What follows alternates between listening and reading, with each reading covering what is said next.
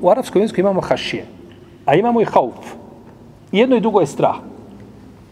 Hašije je strah i hauf je strah. Ali kakva je razlika između jednoga i drugoga?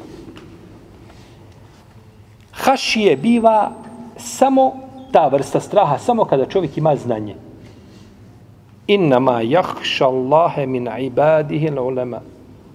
Allaha se od njegovih roba boje učeni. Znači, hašije, ta vrsta straha, takva biva sa znanjem. A ovako biva e, hauf, taj strah, on biva i bez znanja. Ljudi svi bježe i kažu dolazi neprijatelj.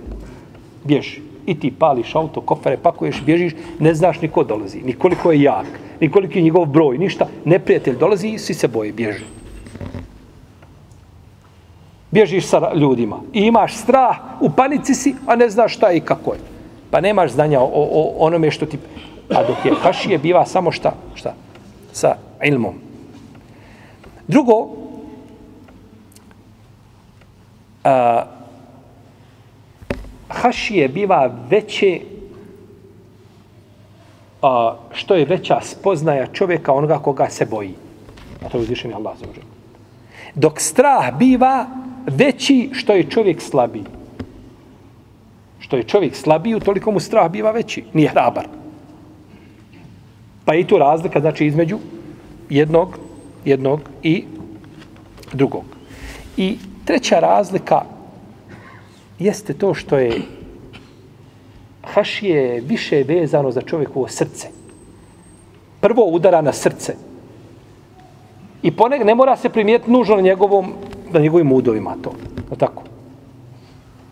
Stoje dvojica u namazu, kako kaže Ibn Kajim, rame uz rame, noga uz nogu, a između njihovi namaza kao između nebesa i zemlje.